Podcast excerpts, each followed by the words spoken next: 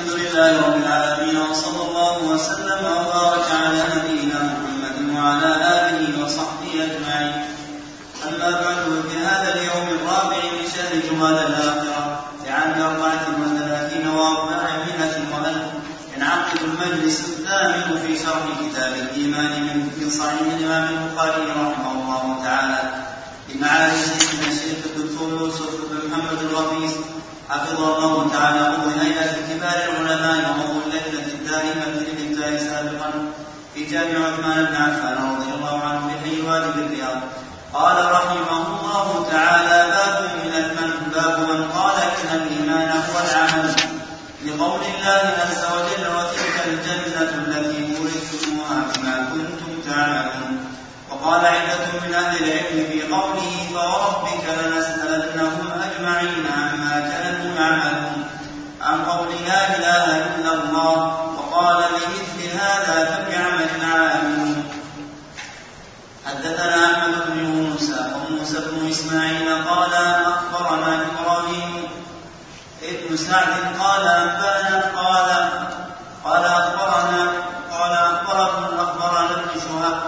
شهاب عن سعيد بن المسيب عن أبي هريرة عن سعيد بن المسيب عن أبي هريرة أن رسول الله صلى الله عليه وسلم سئل أي العمل أفضل؟ قال إيمان بالله ورسوله قيل ثم ماذا؟ قال الجهاد في سبيل الله قيل ثم ماذا؟ قال حج مبرور. الحمد لله رب العالمين وصلى الله وسلم على عبده ورسوله نبينا محمد وآله وأصحابه أجمعين. قال الإمام البخاري رحمه الله تعالى باب من قال إن الإيمان هو العمل. واراد البخاري رحمه الله بهذه الترجمة التحقيق لما جاءت به نصوص الشريعة ومضى عليه سلف هذه الأمة من أن العمل داخل اسم الإيمان. وأنه أصل فيه وأنه أصل فيه فهذان المعنيان هما المرادان بترجمة المصنف. أن العمل داخل في مسمى الإيمان وأن العمل أصل في الإيمان وأن العمل أصل في الإيمان وليس المراد بقوله باب من قال إن الإيمان هو العمل ليس المراد أن ثمة طائفة جعلت الإيمان مقصورا على ماذا؟ على العمل الذي هو العمل الظاهر أو ما يسمى عمل الجوارح دون التصديق والمعرفة وعمل القلب فهذا أولا ليس من طرائق أهل السنة في قطع النصوص عن دلالاتها ثم هو ليس مذهبا لطائفة من طوائف أهل القبلة فإنك تعلم أن أقوال الطوائف في هذا جاءت على قولين متضادين ما عليه الخوارج والمعتزلة من الغلو في مسألة الإيمان وما عليه المرجئة من خلاف ذلك وضد ذلك.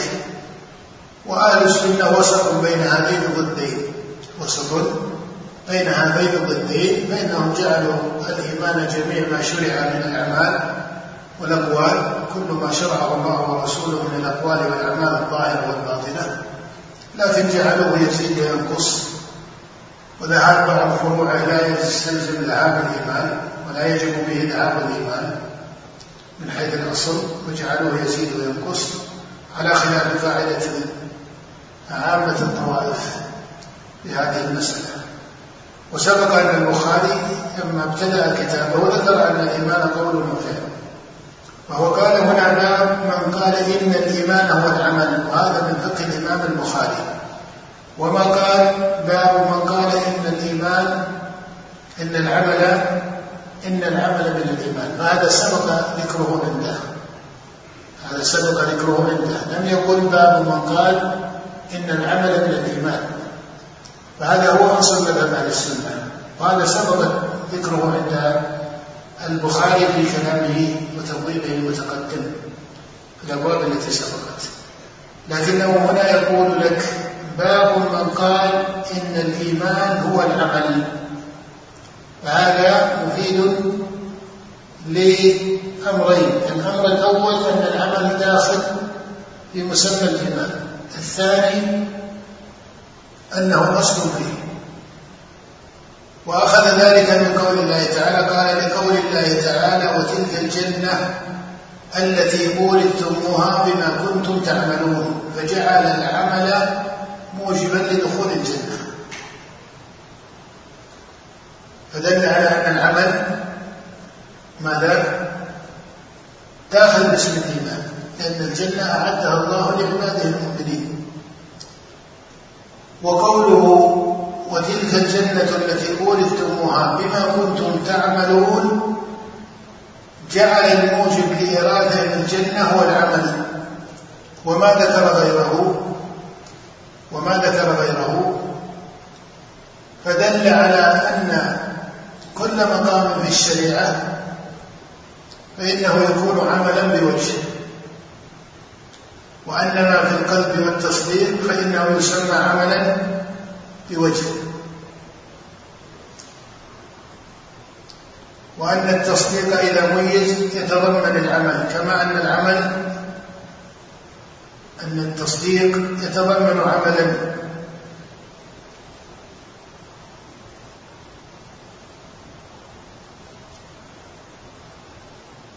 كما أن العمل يتضمن التصديق. ولهذا لم يقع في الشريعة عبادة مجردة بصفتها الظاهرة عن قصد القلب وعمله.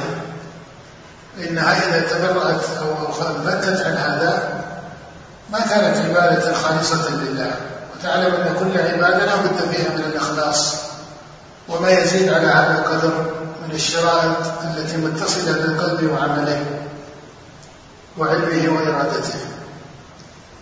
وقوله جل وعلا بما كنتم تعملون لما ذكر العمل هو الموجب مع أنهم مصدقون يعني أهل الجنة عندهم عمل وعندهم تصديق. لكن لما ذكر العمل ومطلق دل على دخول التصديق فيه من جهة أن التصديق هو عمل لمدرك من مدارك الإنسان.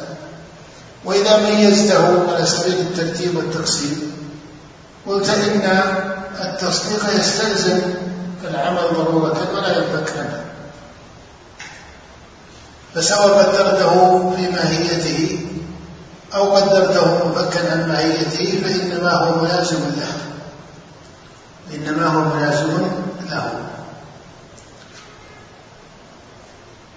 بل على أقل تقدير على أقل تقدير لو قدرت العمل منفكا عن ماهية التصديق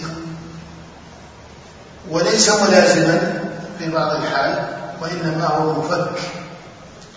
لو قدر هذا فإن الدلالة تكون كذلك تامة.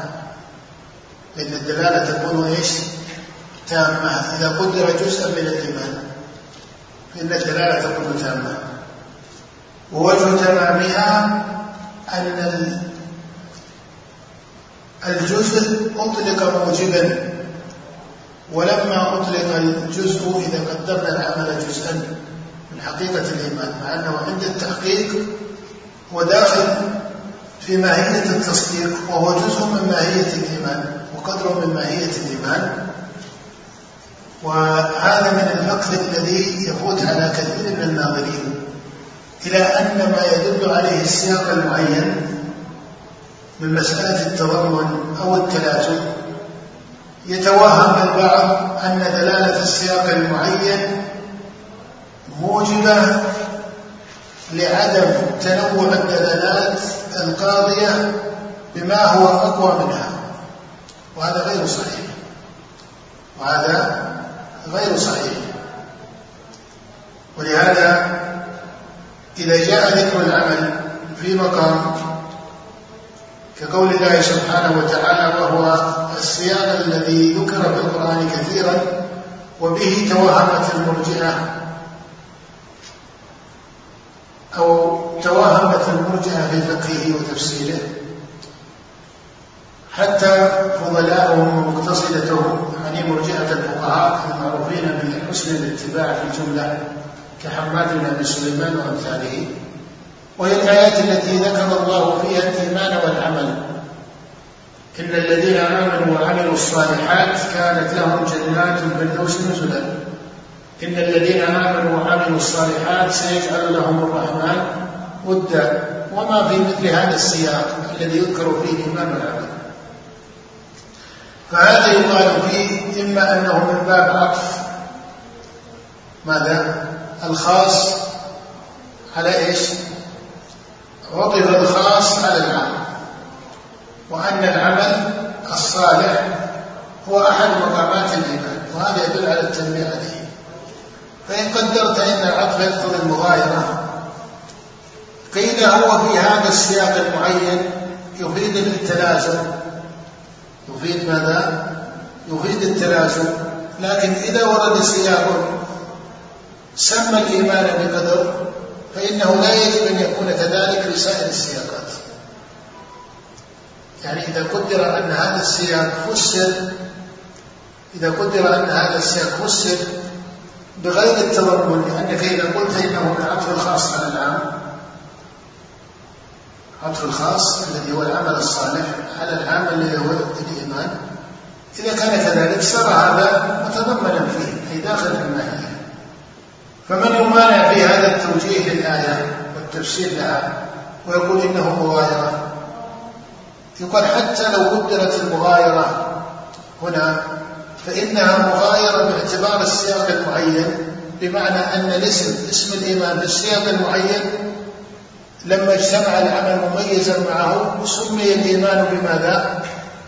سمي الإيمان بالتصديق وميز عنه العمل لكن هذا التمييز بينهما بالمغايرة مع جمعهما على الاتصال في هذه الموارد يدل على أن ثمة تلازما بينهما وهذا التلازم وإن كان يفيد انفكاك هذه الماهية عن هذه الماهية فإنه لا يدل على الانفكاك من حيث التقدير الشرعي المطلق.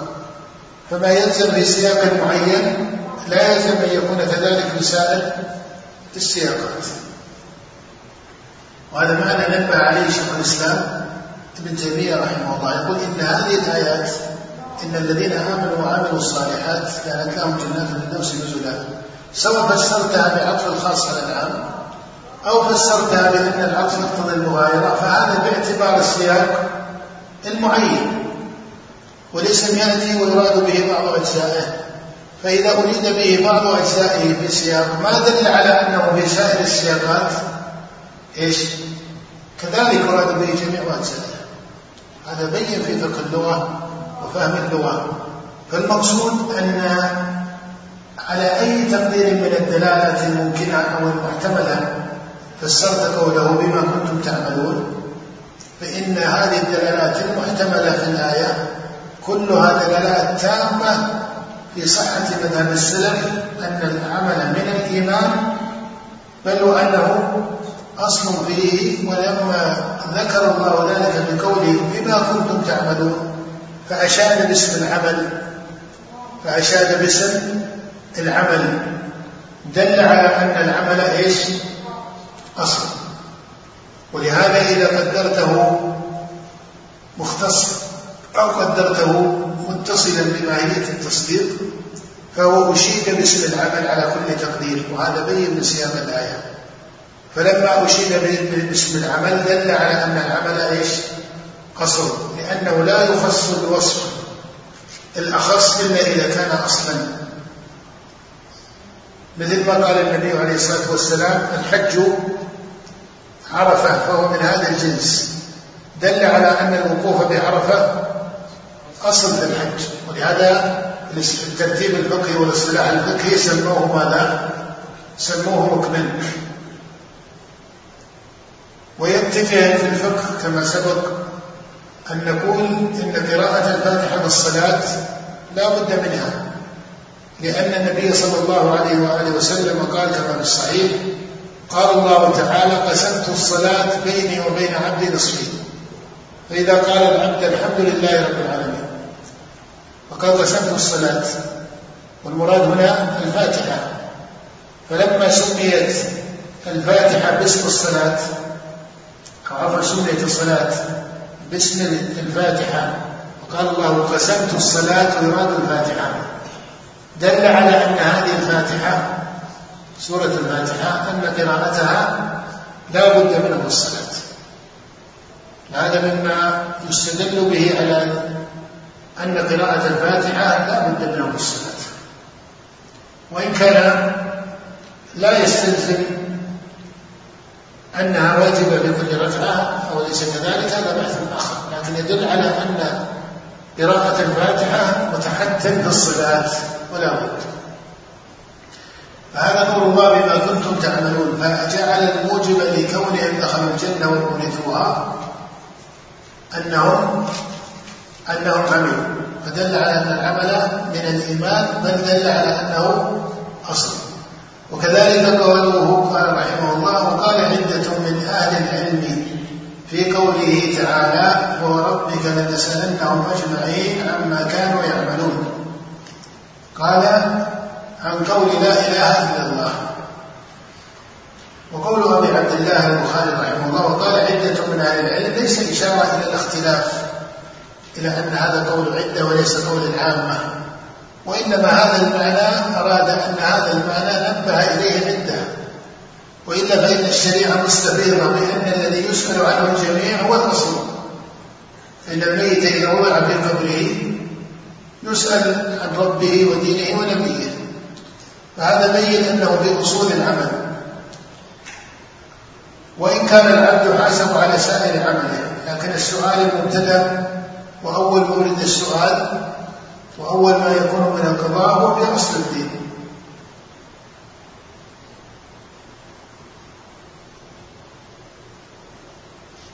قال رحمه الله وقال لمثل هذا فليعمل العاملون فأشاد باسم العمل. ثم ذكر حديث أبي هريرة رضي الله تعالى عنه. من رواية ابن شهاب عن سعيد بن المسيب عن أبي هريرة أن النبي صلى الله عليه وسلم سئل أي العمل أفضل؟ قال أن رسول الله صلى الله عليه وسلم سئل أي العمل أفضل؟ فقال إيمان بالله ورسوله. وهذا من أبلغ الأحرف المأثورة عن النبي صلى الله عليه وسلم بالدلالة على مذهب السلف. فإنه عليه الصلاة والسلام يسأل أي العمل أفضل؟ وكان بيانه صلى الله عليه وسلم لأمته بقوله إيمان بالله ورسوله. قوله إيمان بالله ورسوله. فجعل التصديق يسمى ماذا؟ يسمى عملا. وجعل الإيمان بجملته داخل في اسم العمل من هذا الاعتبار. فدل على أن العمل أصل بالإيمان وأنه دل على أن العمل داخل في اسم الإيمان في اسم الإيمان وأنه أصل فيه. ولا سيما إذا نظرت الرواية أن الرسول صلى الله عليه وآله وسلم قال إيمان بالله ورسوله. فذكر الاسم هنا مطلقا. فدل على اعتبار أصله. دل على اعتبار أصله. فإذا كان بأصله يكون كذلك. وكذلك يكون العمل الذي يتصل بهذا الأصل تسميته إيمانا من باب أولى وهذا فقه دقيق في النظر في هذا الحديث. النتيجة أن الحديث أفاد أن العمل داخل باسم الإيمان وأنه أصل فيه لأن النبي صلى الله عليه وسلم جعل العمل أفضله الإيمان. فدل على أن الإيمان اسم جنس. ودل على أن العمل في خطاب الشارع يكون كذلك. هذا فقه يحتاج إلى حسن فهم. فإنك تقول اسم الإيمان يتضمن العمل فيكون أحد أجزائه أليس كذلك؟ كما كانوا يقولون الإيمان قول وعمل ويقول الشافعي قول وعمل واعتقاد هذا ظاهر. أو النبي في حديث عبد القيس قال أمركم بالإيمان بالله وحده في حديث ابن عباس متفق عليه. هل تدرون ما الإيمان بالله وحده؟ قال أتدرون ما الإيمان بالله وحده؟ قالوا الله ورسوله أعلم. قال شهادة أن لا إله إلا الله وأن محمدا رسول الله وإقام الصلاة وإيتاء الزكاة وصوم رمضان. فجعل العمل الذي هو الصيام مثلا أو الصلاة جعله من الإيمان. وصار اسم الإيمان هو الاسم العام وهذا يدخل فيه أي العمل. هنا صار على خلاف ذلك الترتيب فذكر العمل هو الاسم العام. وجعل الإيمان يدخل في هذا يدخل في هذا فدل على أنه إذا دخل به أنه محيط به. ولهذا ذكر بعد الإيمان الجهاد في سبيل الله. قال إيمان بالله ورسوله فدل على عدم إرادة مطلق الإيمان الذي أو الإيمان الذي يتضمن سائر العمل فميز بعده بعض خصاله. فقوله إيمان بالله ورسوله أي التصديق والإخلاص والمعرفة فهذا هو أفضل العمل. فإذا كان الشارع سمى أخص مقامات الإيمان وهو التصديق والمعرفة والإخلاص سماها عملا وجعلها أفضل العمل. فإذا كان هذا يسمى عملا ويسمى إيمانا دل على أن العمل داخل في الإيمان وأن قصر العمل وأن قصر العمل وهذه النتيجة في الرد. ما سبق من الحديث أو كلام في هذا المجلس هو في باب التقرير لكلام أهل السنة. هذا الالتفات هنا في طريقة الرد على المرجئة نقول ما سماه الشارع من التصديق الذي هو أول المقامات والإخلاص الذي هو أول المقامات. سماه الشارع عملا. هو تعريف من الشارع بأنه لا يقع في الشريعة لا يقع في الشريعة العمل المجرد الذي يكون إيمانا وهو عمل مجرد هم لما قالوا العمل لا يكون باسم الإيمان توهموا وجود العمل المجرد وهذا لا وجود له حقيقة في الشريعة لا يكون العمل إيمانا في الشريعة إلا إذا تضمن إلا إذا تضمن ماذا؟ ما هو من مقام التصديق وعمل القلب؟ فإذا ذكرت الصلاة مثلا أو حتى ذكرت ما هو أكثر انفكاكا على الصفة الشرعية والتوصيف الشرعي كالجهاد مثلا. حتى الجهاد وإن كان عملا إلا أن الرجل يخرج الرجل كما في حديث أبي سعيد يقاتل ليرى مكانه ويقاتل للمغنم فالصورة من الثلاثة الذي يقاتل للمغنم والذي يقاتل ليرى مكانه والذي يقاتل مخلصا لله. الصورة إيش؟ واحدة ومختلفة الصورة واحدة. كلهم حمل السلاح وقاتل. لكن هذا في سبيل الله وهذا ليس في سبيل الله. ولهذا تجد أنه يذكر مقيدا الجهاد في سبيل الله. وفي القرآن يقصر عن اسم الجهاد ويقال في سبيل الله فيتجه إليه. كما في آية كما في آية إيش؟ كما في آية الزكاة. إنما الصدقات للفقراء والمساكين. قال وفي سبيل الله وابن السبيل فريضة من الله. في سبيل الله في الجهاد. في سبيل الله. وهذا هو الراجع كما سبق في الفقه. ليس الفقه هو الراجع في تفسير الآية. ولا يصح جعله في أوجه الخير العامة. لأن هذا يقول إلى تعطيل مقصد الشريعة من الزكاة. يقول إلى تعطيل مقصد الشريعة من الزكاة. فإنه لو قيل لأصحاب الزكاة إن سبيل الله هي الأوجه العامة لقال كثير من الناس إن إنه يجعل زكاته في بناء المساجد. يقول هذا أمر يبقى ويدوم فيجعلها في أراضي يجعلها مساجد ويعمرها إذا قلت إن سبيل الله هو كل أوجه الخير العامة وأوجه البر العامة الشريعة أرادت من الزكاة ما هو أخص من ذلك. ولهذا جعلها الله فريضة من الله. جعلها الله فما أريد من الإنسان أن ينفق مطلقا. ما هو المقصود من الزكاة؟ أن الإنسان ينفق مطلقا. يقول هو في سبيل الله أوجه الخير معناه أي إنفاق ما دام أنه أصاب النصيب الشرعي يكون كافيا. إذا أخرج النصاب الواجب عليه أو القدر الواجب عليه بعد ثبوت نصاب الزكاة كان سواء كان ربع العشر أو نصف العشر أو العشر حسب أوجه الزكاة ما هو معروف في فقهها هذا على كل حال سبق ذكره وأنه بعيد. ولا يصح أن تكون العاطفة مؤثرة على فقه الفقيه. إن هذا على خلاف قول عامة أهل العلم وسوادهم وعلى خلاف مقتضى اللغة في فهم آية الزكاة. على كل حال إنما في قول النبي صلى الله عليه وسلم إيمان بالله هو رد على المرجئة. هو رد على المرجئة. قال إيمان بالله ورسوله. قيل ثم أي قال الجهاد في سبيل الله. والجهاد في سبيل الله كما تعرف هو ذروة سمام الإسلام. ومن أعظم القربات عند الله وإن كان العلماء اختلفوا أيهما أفضل فإن الجهاد تارة يكون فريضة على الأعيان وتارة يكون فرض كفاية وتارة يكون دون ذلك وتارة يكون مستحبا.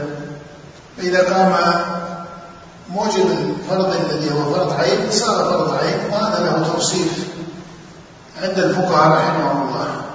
الذي يكون فيه الجهاد فرض عين وإذا كان فرض كفاية فمن قامت بهم الكفاية أسقطوا فرض الكفاية. فإذا زاد من هو زائد على الكفاية يكون في حقه ماذا؟ يكون في حقه مستحبا. فيكون الجهاد تارة فرض عين وتارة فرض كفاية وتارة مستحبا في مثل هذا التقدير. وترتيب أحكامه كما تعرف مبينة للسنة وفي كتاب الله سبحانه وتعالى. إن الله ذكر الذين يجاهدون بأموالهم وأنفسهم وذكر أمر الجهاد وكتب الفقهاء رحمهم الله أحكامه. وكتب الفقهاء أحكامه. ولهذا بقدر ما نقول إن الجهاد في سبيل الله من أفضل الأعمال والقربات عند الله وفيه قول النبي صلى الله عليه وسلم إيمان بالله ورسوله ثم الجهاد في حديث أبي هريرة هذا قال ثم الجهاد في سبيل الله. والنصوص فيه متوافرة وهذا معلوم عند خاصة المسلمين وعامتهم بقدر ما يقال ذلك إلا أنه يقال كلمة معها. وهذه الكلمة ما هي؟ هذه الكلمة أن الجهاد له فقه. وليس هو من الأعمال المطلقة على وصف واحد يفقهه الخاصة والعامة الجهاد له فقه كما أنك تقول الصلاة فريضة من فرائض الإسلام ولا تختلف النصوص في فضلها وفرضيتها وقدرها والزكاة فريضة من فرائض الإسلام أليس كذلك؟ هذه الرتبة التي تقال للصلاة وللزكاة يقال نحوها وإن لم يكن بدرجتها في الجهاد فلم يلتبس على أحد من المسلمين أن الجهاد مشروع وله فضله وله قدره في الشريعة إلى آخره. فهذا لا يهون منه. هذا لا يهون منه. ويجب حفظ مادته لأنه شريعة من شرائع الله التي أنزلها الله سبحانه وتعالى في كتابه ومضى بها سنة نبيه عليه الصلاة والسلام لكن نقول مع هذا الإجلال والتفضيل والإشادة بما جاء في النصوص فضله يقال إن الجهاد له ماذا؟ إن الجهاد له فقه وكما أنك تقدر أن أحكام الزكاة لا يستطيع الإنسان أن يقول والله الزكاة فريضة من فرائض الإسلام ثم يقدر لها من الأحكام بطرف من الفقه البسيط أو الاجتهاد الذي لا لا يوصف بأنه اجتهاد حقيقي. فيقول مثلا في أحكام الزكاة السائمة وغير السائمة أو في مشقة الأنهار وما لم تسقي الأنهار يذهب فيه إلى قول فيه ما في تتبع فقهي دقيق. لابد أنه يقول أن ما سقط الأنهار والغيب فيه العشر وأن مبنى هذا حديث ما جاء في الصحيح فيما سقط الأنهار والغيب العشور وفيما سقي بالثاني نصف العشر فإذا كنت تدرك أن الزكاة وإن كان أصلها واضحا لدى جملة المسلمين من حيث هي فريضة لكنك إذا جئت تفاصيلها فتفاصيلها فيها فقه بعض تفاصيلها بينة. لا يختلفون أن الذهب الأصل فيه الزكاة فبعض أحكامها تكون مصلحة وبعض أحكامها فيها قدر من الاحتمال ولهذا يختلف الفقهاء فيها أليس كذلك؟ فالذين اتفقوا على أن الذهب فيه الزكاة لما جاءوا بذهب المرأة التي تستعمله اختلفوا أو لم يختلفوا اختلفوا فذهب أبو حنيفة إلى طرد الحكم وذهب الجمهور إلى خلاف ذلك كما هو معروف وأن زكاة المرأة لا أو أن حرية المرأة التي تلبسون زكاة فيه وكذلك إذا نظرت في أحكام الصيام وجدت أن من أحكامه ما هو فصيح الظاهر فمن أدركه رمضان وجب أن يصوم على حكم الظاهر من أحكام الصيام. لكن ألست ترى في أحكام الصيام ما هو خفي لا يدركه إلا الفقهاء.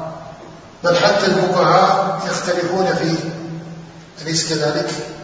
كاختلافهم فيما سمي بصيام يوم الشك مثلا واختلاف فيما يثبت به دخول الشهر هل هو بالشاهد الواحد أو بالشاهدين وإذا جئت أحكام الحج كذلك فمن أحكامه بينة ظاهرة للخاصة والعامة ومن أحكامه ما فيه بعض الاختلاف والخفاء حتى اختلف فيه الكبار من العلماء اختلفت فيه مذاهبهم. فكذلك الجهاد في سبيل الله. احكامه لا يتأتى أن كل أحد من أحد المسلمين يقدر أحكامه ويقدر محله من الحكم وأن هذا يصدق عليه صفته وأن هذا يصدق عليه فرض العين أو فرض الكفاية وما دون ذلك. هذه أحكام مفصلة. ومن إجلال الجهاد نفسه إجلال الفقه. فيه بل التحقيق أن نقول إن من إجلال الجهاد إجلال الفقه. وكما أنه يقال إن تضعيف أمره إن تضعيف أمر الجهاد. هذا خلاف الشريعة لكن أيضا لا يصح أن يكون الجهاد تشريع أحكام كل من نظر أدنى نظر أو حمله حامل من حسن الإرادة أو الحماس وما إلى ذلك نصب أمرا من أمر الجهاد وطرده في الناس وأخذه في الناس. هذا أيضا يجب أن يكون حاضر لدى المسلمين ولدى طلبة العلم ولدى الشباب عامة إلى أن الجهاد له فقه فهو شريعة من حيث الأصل ما أحد ينازع بثبوتها بالشريعة. كما أنك تقول الصلاة لكن رأينا الصلاة؟ وهي أكثر اتصالا بأعمال المسلمين بين الصلاة فرض على كل مكلف أليس كذلك؟ على الذكر والأنثى والحر والعبد إلى آخره. ومع ذلك في فقه الصلاة ما هو بين وفي فقه الصلاة ما هو خفي لا يميزه إلا الفقهاء. بل ويختلفون فيه بل وقد يتوقفون فيه. أليس ترى الأئمة توقف في بعض مسائل الصلاة؟ فإذا كان هذا مدركا في الصلاة وفي الزكاة وفي الصيام فلماذا لا يكون مدركا؟ في الجهاد. إذا جئنا كتب الفقهاء رحمهم الله وجدنا أنهم يقولون كتاب الصلاة كتاب الزكاة كتاب الصيام كتاب الحج ثم يذكرون بعد ذلك على حسب الترتيب الفقهي لكن يضعون كتابا عقب ذلك أو بعده بشيء يسير يسمونه كتاب كتاب الجهاد. يذكرون فيه الأحكام المتعلقة بالجهاد والتفاصيل والشروط وما فيها من الاختلاف والاتفاق. هذا فقه هذا فقه في الجهاد في سبيل الله. لا يكفي في الجهاد مجرد حسن الإرادة أو حسن الخاطر أو الحماس لأن الجهاد يتعلق بعامة المسلمين. يتعلق بعامة المسلمين وسوادهم ولهذا الأصل فيه أن الإمام ولي الأمر هو الذي ينصب الجهاد. ولي الأمر هو الذي يقوم بنصب الجهاد.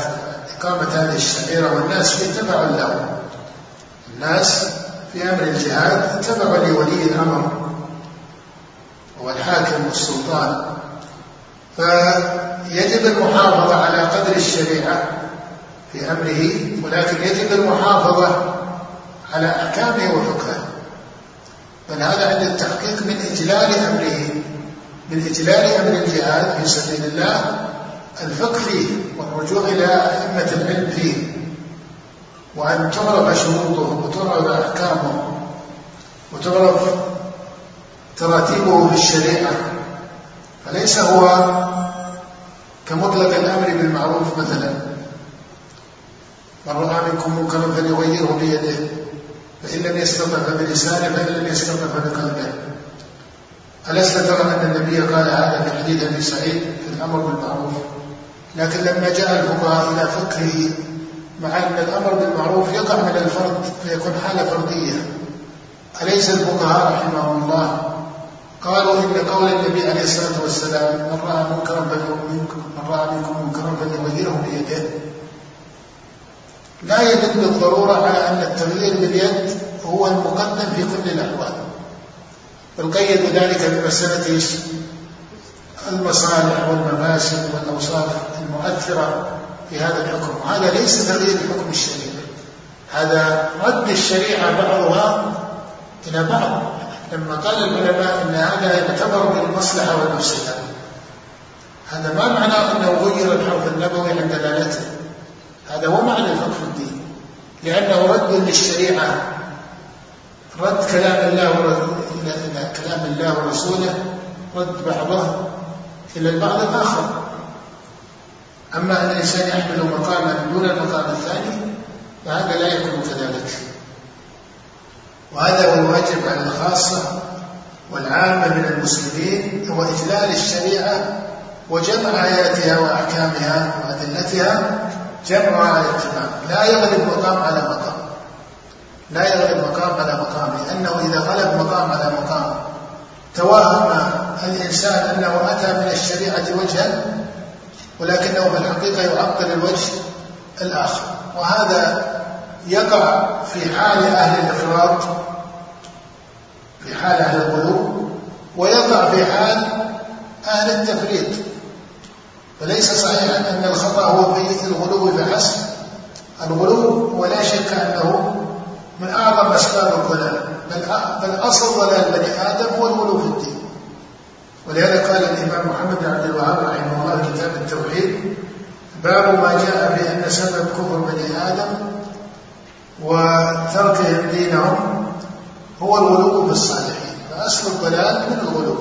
لكن الشر والفساد لا ينبعث من الغلو فحسب بل كما يقع بالغلو من أوجه الشر فيقع في التفريط وتهويل أمر الشريعة وإسقاط أحكام الشريعة واللعن في أحكامها بغير ما هو معروف عند العلماء هذا أيضا فيه هذا فيه إضلال وفيه ضلال فيه ضلال وفيه كون وفيه ضلال للناس وكل هذا وهذا من الجهل بقدر الشريعة. وإلا فمن قدر الشريعة حق قدرها ما افتت فيها إلا بعلم. من قدر الشريعة حق قدرها ما افتات في أمرها ولا قال في أمرها إلا بعلم وبصيرة وإلا أخذ بقول النبي صلى الله عليه وسلم يقول خيرا أو إيش؟ أو ليصمت فهذا إذا كان في مطلق القول فمن باب أخص إذا كان قولا في دين الله.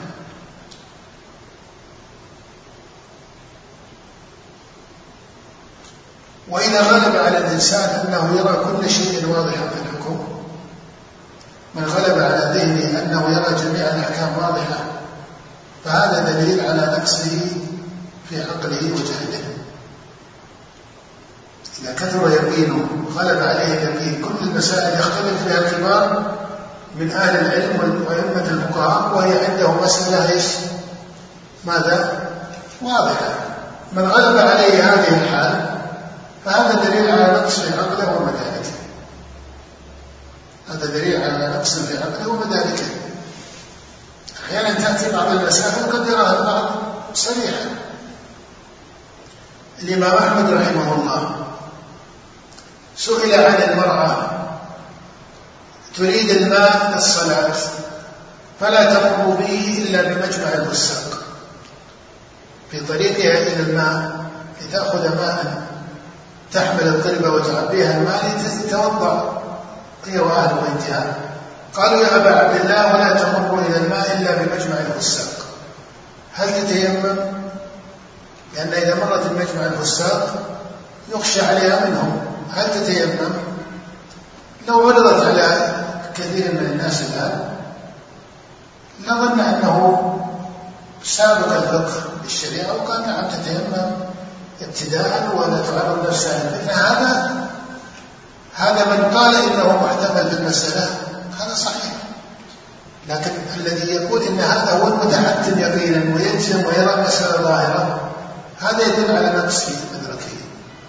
الإمام أحمد أي رأي اختار هل قال إنها تتيمم؟ أو قال إنها تأخذ الماء ولو مرت في مجمع الفساق. لأن المسألة إذا نظرت إليها بفقه صحيح وبقواعد صحيحة ومن فهم القواعد كثر فقهه وثقل فقهه لكن اللي ما عنده علم بالتفاصيل والقواعد وموارد الأدلة يعطيك حكم. فإذا أردت عليه حديث قال عجيب ما ما أول مرة أسمع الحديث.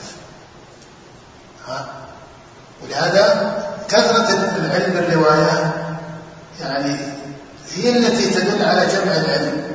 كما كان الإمام الشافعي يقول من من حفظ الحديث قويت حجته الإمام أحمد المسؤول عن هذه المسألة التي قد يراها الكثير منا مسألة ظاهرة في الحكم.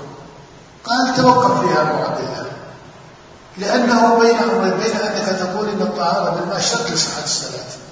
ولا يتيمم إلا بقول الله فلم تجدوا ماء. وهذه واجدة للماء. ومجمع الفساق هذا محتمل في الفتنة والشريعة جاءت بحفظ المرأة.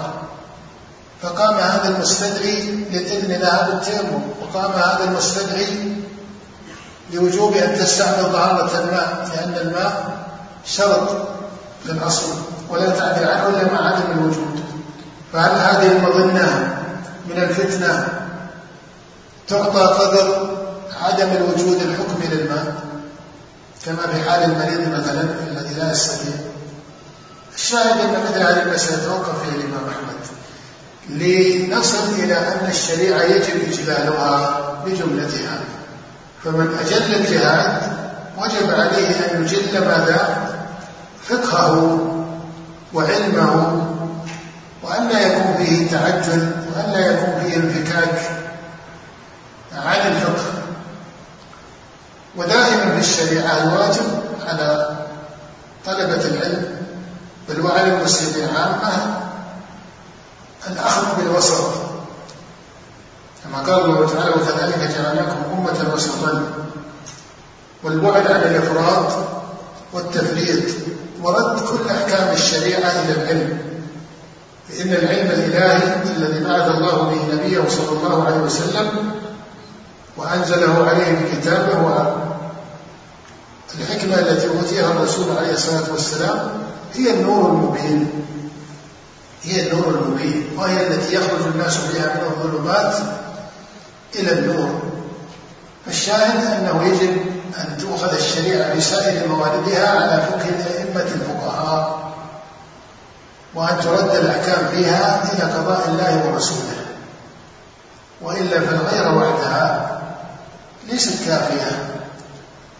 كما أن التفريط في أحكام الشريعة هذا يقع به الفساد والضلال لا هو معروف.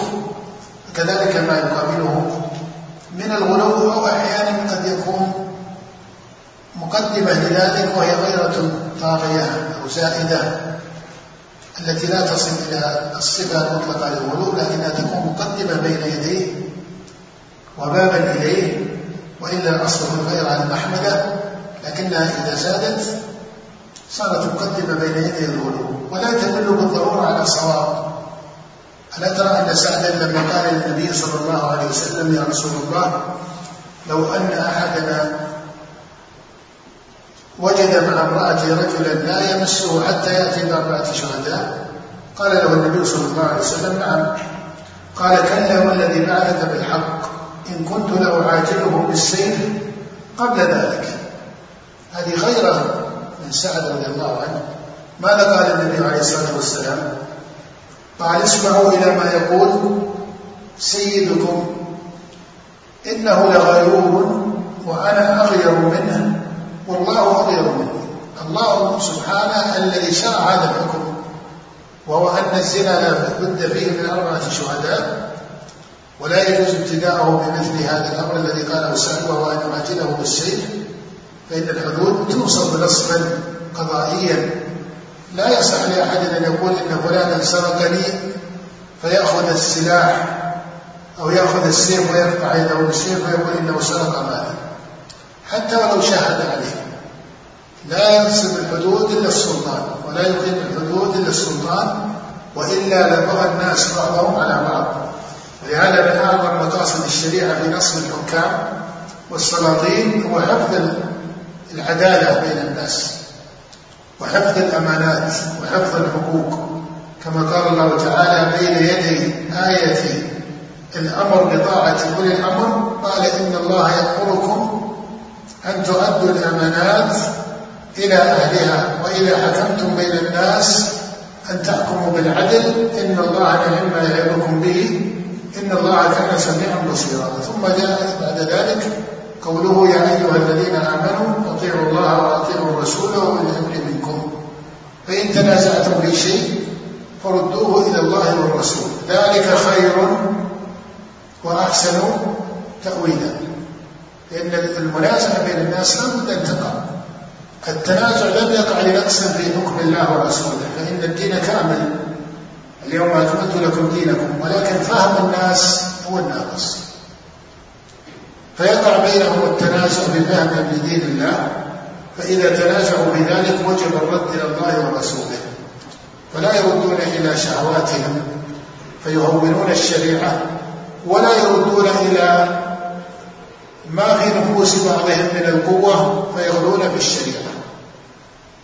إذا تحكمت الطبيعة البشرية في الإنسان هذا مؤثر كما يصح إن صحت العبارة مؤثر سلبي. ليس صالحا لا يقود إلى إيمان صحيح.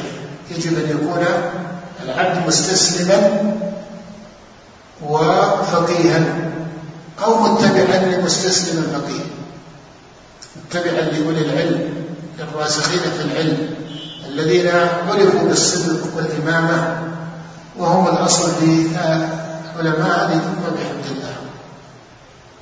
الأصل في علماء هذه الأمة هو الصدق والأمانة. فإن الله جعل هذه الأمة بعلمائها بعد نبيها عليه الصلاة والسلام.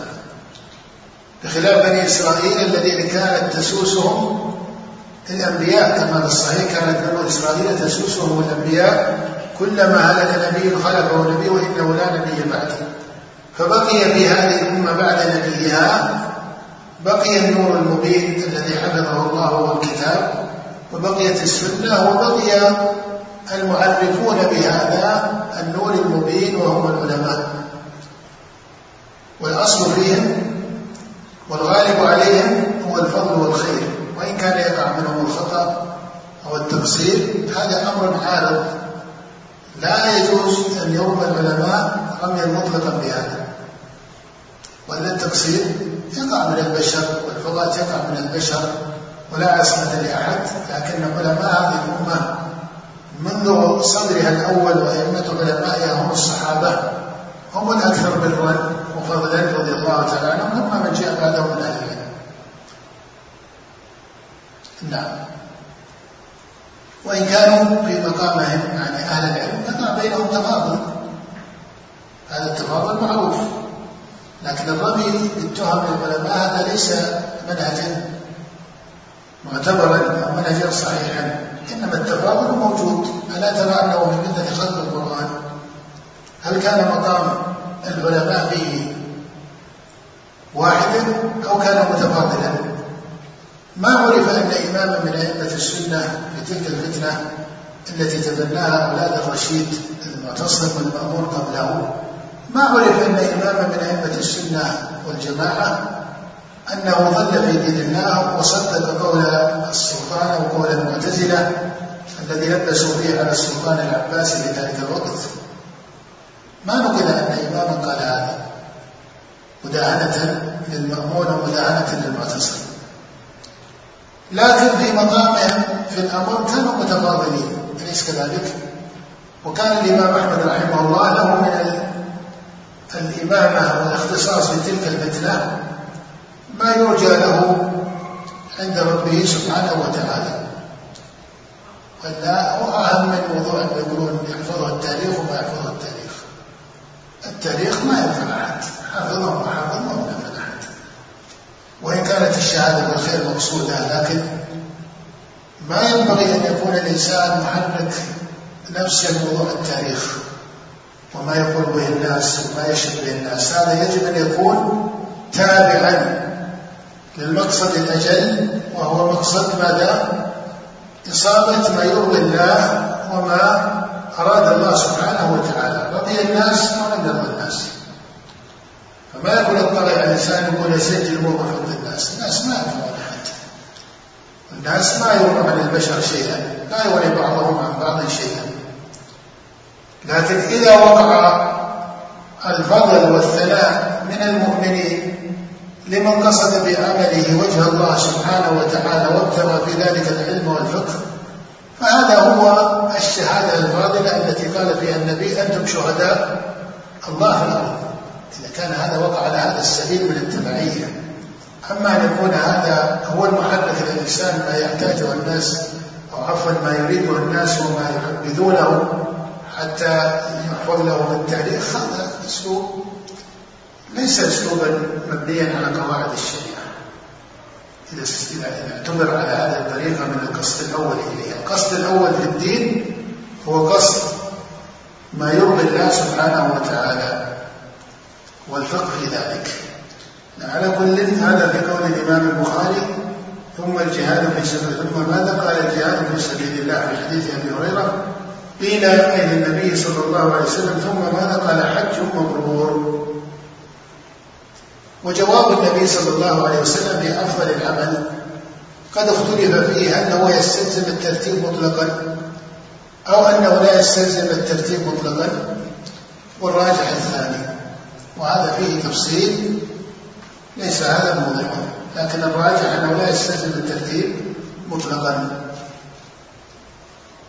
وهذا يعود إلى ما سبق الإشارة إليه إلى أن ما يستعمله الشارع في سياق معين لا يستلزم أن يكون في سائر الأحوال والسياقات كذلك.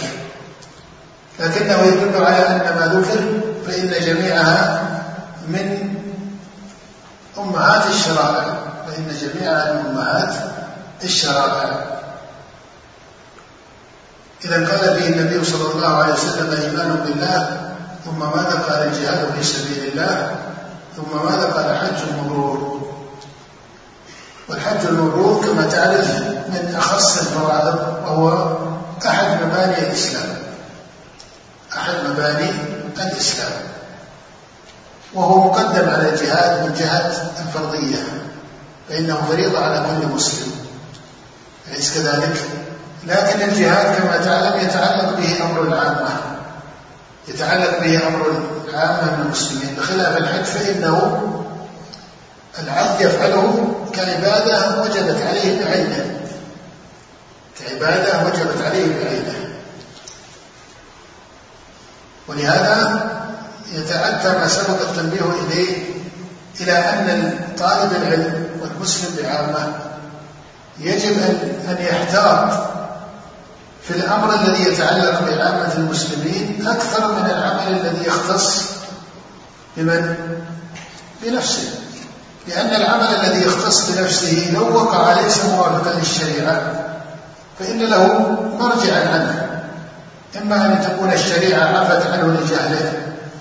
كمن مثلا أراد الحج ونسي فلبس المخيط أو كان جاهلا فلبس المخيط. فهذا الخطأ الذي ورد منه له مرجع عنه بالشريعة بأن الشريعة عفت عن ذلك لكونه جاهلا كما في حديث يعلى بن أمية لما جاء إلى النبي صلى الله عليه وسلم وعليه جبة وفيها أثر صفرة وأثر خلوق قال اخلع عنك جبتك. أو يقال عليه كفارة لكونه أتى محظور محظورات الإحرام كما لو حرق رأسه ناسيا فإنه يأتي بكفارة ذلك. فدية ذلك. وقد يقول الأمر إلى أن قال إن حجه بطل كما لو ترك الوقوف بعرفة لكن له مرجع إلى تصحيحه وليس له مرجع. لو ترك الوقوف بعرفة حتى فاته وقته بطل حجه وله مرجع عن ذلك يأتي بالحج من قابل أو بعده. لكن إذا كان الأمر يتعلق بعامة المسلمين فمن دخل فيه لا يستطيع الخروج منه على كل تقدير. فهذا يجب أن يكون قدرة أهل العلم وطلبة العلم والخاصة والعامة من المسلمين على كل حال إلى أن الأمر العام ما يصح التعجل فيه. ما يصح التعجل فيه.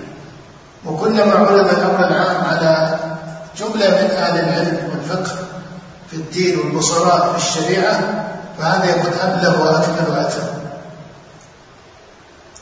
لأن ثمة فرق بين كون الأمر يدخل فيه هذا أمر لكن كيف يخرج منه؟ وهذا يعود إلى تقدير الفقه وتقدير الحكمة وتقدير أمور متعددة. ولهذا كلما كان الإنسان ما دخل فيه يكون بينا بصيرا لا يرتد ثوبه في الرجوع عنه هذا يدل على أن الأمر بني على قواعد صحيحة أما إذا كان الإنسان يدخل ثم يتبين له الخطأ والارتباك يدل على نقص في العقل ونقص في الفقه. ولهذا لما تراجع في غير موضوع الأحكام الشرعية وإنما في الاعتبارات العقلية وقد عرف كلاهما بالدهاء عن معاوية بن أبي سفيان وعمرو بن العاص. وكان وزيرا له كما تعرف ووزيره الأول كما يقال في بعض التعبيرات. وكان هذا وهذا كلاهما مشهور بالدهاء فقال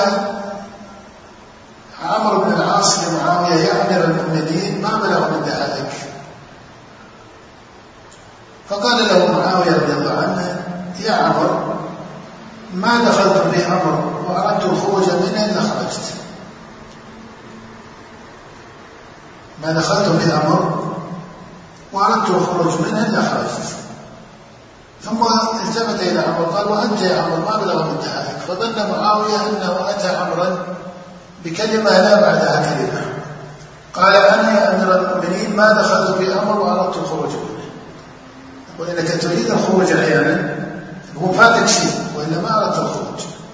طبعا لا يلزم أن هذه الكلمة مضطردة على كل أحوالها لكنها من كلمات المجالسة أكثر مما أنها تعبر عن لزوم في الأحوال إنما الشاهد أن الأمور العامة يجب العناية بها وعدم التقصير في شأنها ولكن أيضا يجب الإجلال لشأنها وأن تؤخذ على قواعد الشريعة وقواعد العقل الصحيحة والاستبصار الصحيح.